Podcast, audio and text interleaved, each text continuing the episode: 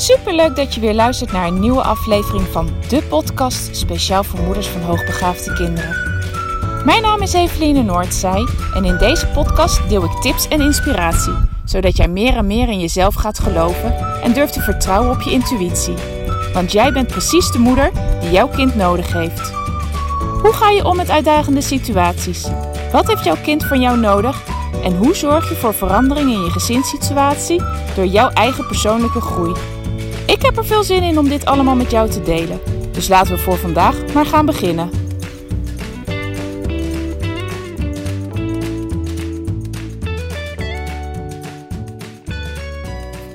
Yes, yes, yes. Podcast 100.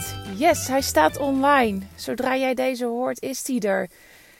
Super, super leuk. En vooral heel erg leuk omdat ik de afgelopen week zoveel positieve reacties heb gekregen op de podcast. Van mensen die zeggen: Oh, Eveline, wat super dat je dit doet. Ik ging echt op die of die podcast aan. En ook een moeder die aangaf van weet je, ik heb gewoon stappen gezet richting school. En dat kon ik alleen maar omdat jij mij elke keer met die podcast stimuleert om te blijven vertrouwen op mijn intuïtie. En die, ja, die lef die ik heb laten zien op dat moment, dat, ja, dat komt omdat ik elke keer die, die duw kreeg.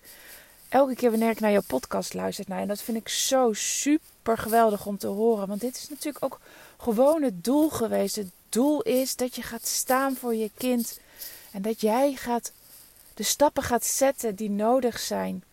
En als we het hebben over die cirkel van invloed, je stappen gaat zetten uh, die nodig zijn, die jij ook kan nemen. De invloed die jij hebt als ouder, die is zoveel groter dan ouders soms beseffen. En als je denkt van ja, waar komt die cirkel van invloed nou opeens vandaan? Daar heb ik het in de podcast van gisteren over gehad, podcast 99. Maar echt super, super blij.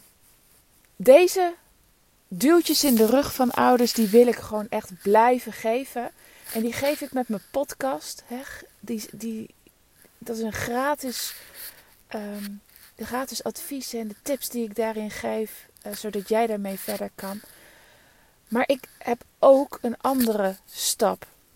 En dat is het WhatsApp membership. Dus als jij behoefte voelt aan meer steun, meer ondersteuning vanuit mijn kant, meer duwen in je rug, meer tips, meer adviezen, of als je juist heel graag begrip wil, dan is het WhatsApp membership ook iets, een mogelijkheid wat ik jou heel graag wil bieden. En dat is een betaalde membership. Elke maand uh, kan je dan onbeperkt mij uh, voorzien van, van vragen. Via de WhatsApp gaat dat. En kan je ook uh, ja, de tips van mijn kant en de, de vragen die ik je stel om inzicht te geven, kan je wekelijks van mij krijgen. Nou wil ik heel graag weten of hier ook behoefte aan is. Ik, heb, ik lanceer dit um, één keer in de zoveel weken. En dan stel ik de, uh, de inschrijving open.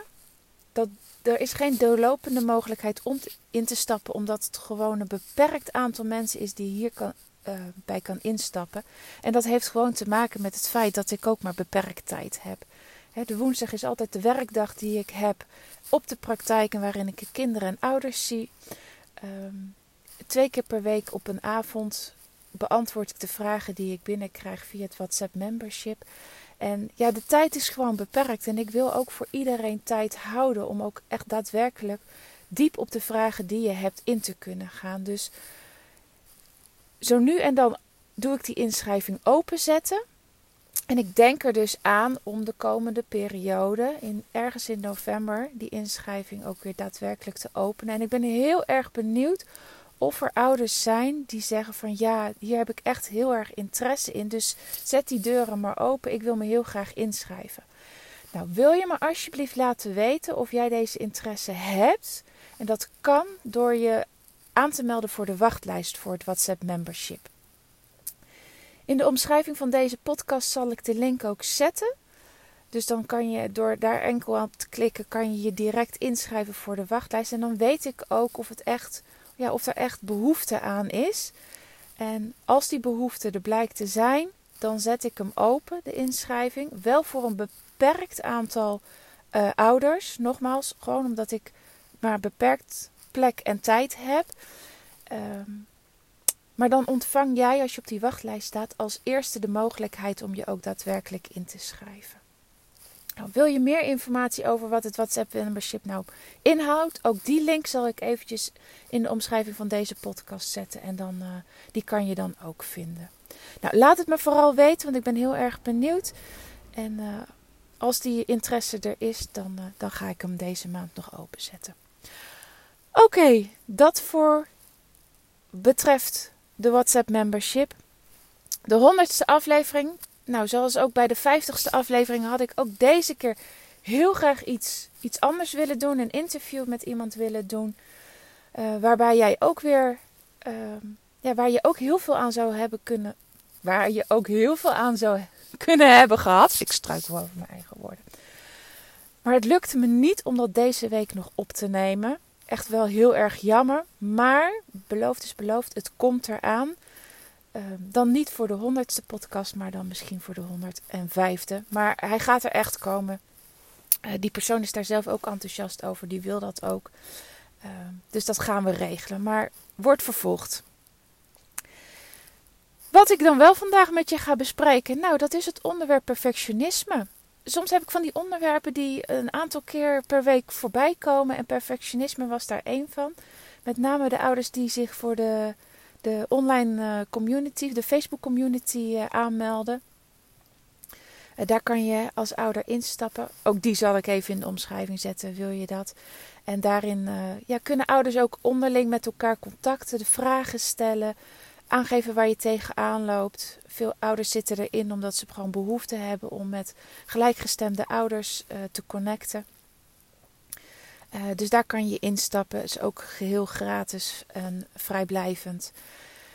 Um, maar in, daarin kwamen de afgelopen week een aantal nieuwe ouders bij die zeiden van ja weet je, mijn kind heeft gewoon last van perfectionisme. En uh, ja, daar vind ik gewoon lastig om mee om te gaan. En voor mij altijd hele waardevolle informatie van, die ik dan van de ouders in die groep krijg. Want daar kan ik dan ook weer mijn podcast mee, uh, ja, mee vullen. En je dus daarmee voorzien van tips en, uh, en inzichten. Maar perfectionisme, en het, het, ging in dit geval met name bij hele jonge kinderen. Het kan natuurlijk bij alle leeftijden voorkomen. Maar de vragen die deze ouders hadden, ging het eigenlijk om hele jonge kinderen. En wat kan je daar nou eigenlijk mee? Hoe ga je daar nou eigenlijk mee om? Nou, wat ik heel veel merk is dat er twee uitersten zijn. Vaak die ouders, uh, ja, op, het moment dat ze ge, uh, geconfronteerd worden met perfectionisme van hun kinderen, uh, laten zien. Dat aan de ene kant van oké, laat maar hè, eh, het helemaal weghalen of helemaal overnemen en denken van het komt ooit wel goed. En aan de andere kant denken van, um, ja, maar, maar, mijn kind moet hier, hier nu doorheen, dit moeten ze kunnen. En er heel erg gaan pushen om het kind ook daadwerkelijk die stappen te laten nemen. En uh, ja, dan denken dat ze daarmee uh, door perfectionisme heen gaan. Ik denk dat beide niet gaan werken. Het aan de ene kant helemaal laten, daarmee ga je je kind niet laten ervaren dat het meer kan dan het zelf misschien wel denkt. Aan de andere kant, het ontzettend pushen en, en het van het kind ja, tussen aanhalingstekens eisen dat het het toch gaat doen, gaat er ook niet voor zorgen dat jouw kind er doorheen gaat. Want de hakken gaan in het zand en het perfectionisme zal alleen maar verder aangewakkerd worden, omdat het zal gaan ervaren dat hetgene wat ze denken niet te kunnen, ook vaak nog helemaal niet helemaal kunnen. En wat kan je nou wel het beste doen? En dat is de middenweg nemen. Ik zeg in deze altijd tegen ouders: ga de taak waar jouw kind niet aan durft te beginnen, eens opknippen in stukjes. Ga eens voor jezelf bedenken waar de taak allemaal uit bestaat.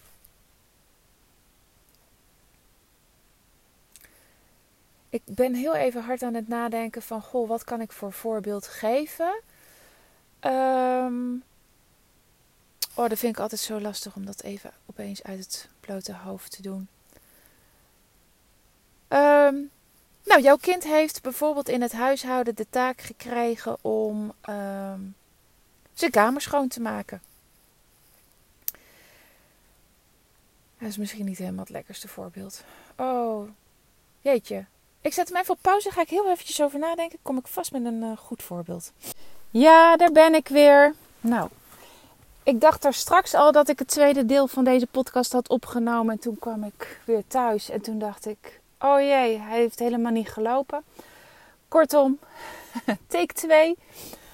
Maar het voorbeeld wat ik heb, dat is eigenlijk een voorbeeld vanuit onze eigen situatie. Want onze uh, dochter vindt het bijvoorbeeld heel erg spannend en vermijdt het het liefste om te bellen. En ja, zo af en toe wil ze iets en moet ze er toch gewoon echt zelf eventjes uh, moeite voor doen door een telefoontje te plegen.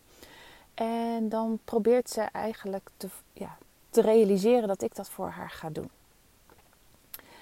En ik kan dan op dat moment zeggen: nee, doe ik niet. Maar dan weet ik dat ze zegt: van oké, dan doe ik het ook niet, laat dan maar. En vaak gaat het om dingen die ze heel graag wil, waarbij ze lekker weer onder de uh, andere mensen komt, of waarbij ze iets, ja, iets voor zichzelf heeft, waarbij ze zich verder kan ontwikkelen. En wat ik dus echt heel belangrijk vind, dat ze het wel degelijk gaat doen. Dus ja, heb ik voor mezelf ook gezegd: van ik kan niet zomaar tegen haar zeggen: van laat maar eh, want dan zegt zij ook, tenminste, ik kan niet tegen haar zeggen: doe het zelf maar, want dan zegt zij: laat maar. Ehm, terwijl ik wel eigenlijk heel graag wil dat ze hetgene gaat doen waarvoor ze dat telefoontje moet plegen. En in deze situaties, wat ik dan, wat ik dan doe, is, het, is zo'n taak, het telefoneren, opknippen in delen.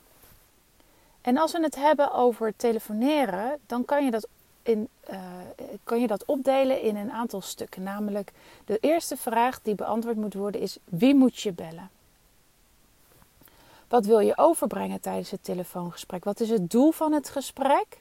En ehm, ja, wat wil je uiteindelijk bereikt hebben met het telefoongesprek? Dan is het volgende deel, het derde stuk, is dat je weet wat je gaat zeggen als je aan het bellen bent. En het vierde stuk is dat je kijkt uiteindelijk of je hetgene ook bereikt hebt wat je wilde bereiken. Nou, dat, is, hè, dat is wel heel fair.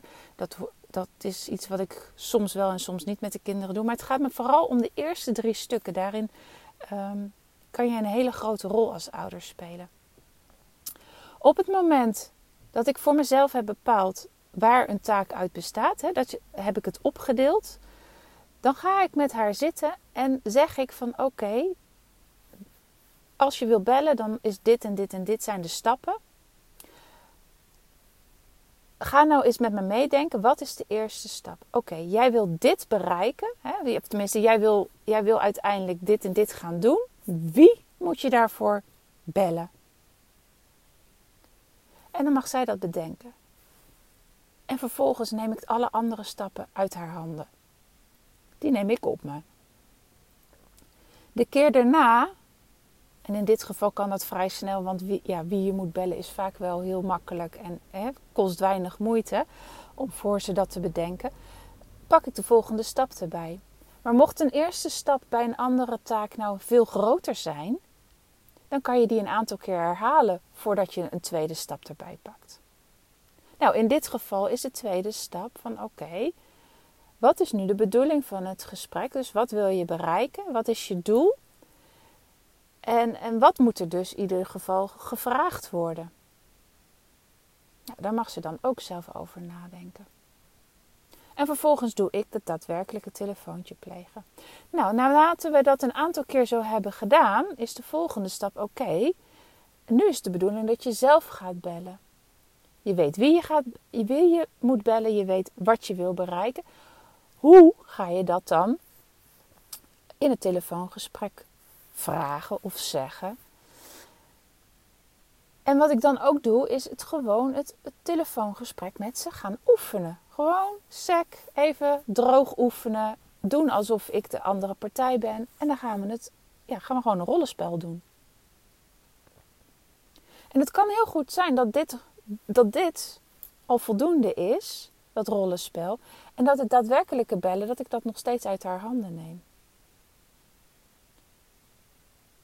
En uiteindelijk, na heel vaak dit met, met haar doorgenomen te hebben, is het de bedoeling, of moet ze van mij dan ook daadwerkelijk het telefoongesprek gaan voeren? En dat kan nog steeds het moment zijn waarop jouw kind er onderuit gaat komen. Of probeert te komen. Door te zeggen, ja, nee, laat dan maar. Maar ik ben dan wel zo dat ik zeg van oké, we hebben nu heel veel geoefend. Ik heb heel veel ehm, met je meegedacht. Ik heb het heel vaak van je overgenomen. En wat ik dan inderdaad, als ik het overneem, wel zorg dat ze er ook inderdaad, dat zij, in, dat zij nog steeds bij mij in de buurt is. Zodat ze ook kan horen hoe ik het doe. Dus door middel van voorbeeld kan ze ook leren. En dat ik dan ook zeg, maar dit gesprek moet nu wel gevoerd gaan worden door jou. En dan is er ook geen keuzemogelijkheid meer. En dan zijn er twee opties die ik dan ook aan de voorleg. Wil jij het gesprek graag alleen voeren? Zonder dat ik in de buurt ben? Of vind je het fijn dat ik wel in de buurt ben, zodat ik eventueel je kan ondersteunen als je ergens niet uitkomt?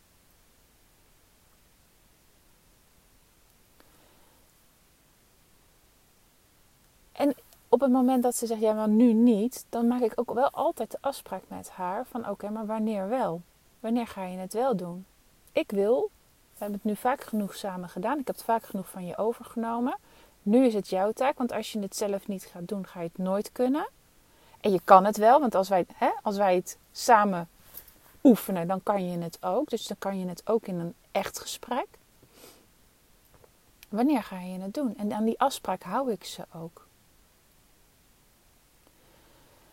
En voor mij is dit echt op alle vlakken. Op het moment dat ik zie dat een kind ergens moeite mee heeft, dan, dan doe ik dit bij alles. Dan knip ik het op in stukken. En dat kan van kamer opruimen zijn tot, tot een taak in huis, tot schoolwerk, tot. Nou ja, je kan het zo gek niet verzinnen of je kan het opknippen.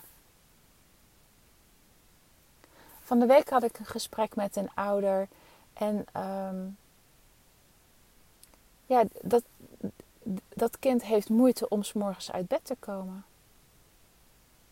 Ja, dan kan je zeggen, ja, ja, nou ja, goed, weet je, je eigen verantwoordelijkheid, laat maar, ik doe niks. Maar je kan het ook in stukken knippen. Waar, waar pak jij nog een stuk verantwoordelijkheid en welke verantwoordelijkheid kan het kind onnemen? En dat kan je steeds verder gaan uitbreiden.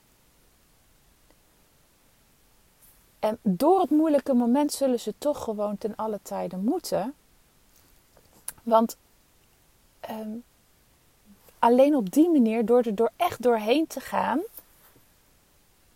gaan ze, gaan ze vertrouwen krijgen in zichzelf. En gaan ze zien van oké, ik zie er tegenop. Ik denk dat ik het niet kan of ik denk dat ik het niet goed genoeg kan. Maar als ik het uiteindelijk wel ga doen, dan ervaar ik dat het me wel lukt. Dat is de manier om, in mijn ogen in ieder geval om om te gaan met een kind wat heel perfectionistisch is en daardoor, daardoor alles uit het liefst uit de weg gaat.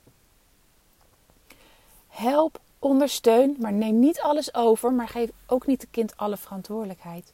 Maar knip het op in delen en neem elke keer een stap. En dat kan best een heel lang proces zijn, net zoals met dat telefoneren met mijn dochter. Ja, dat, dat, dat is niet iets van wat binnen een week geregeld is. Daar gaan misschien wel weken, maanden overheen.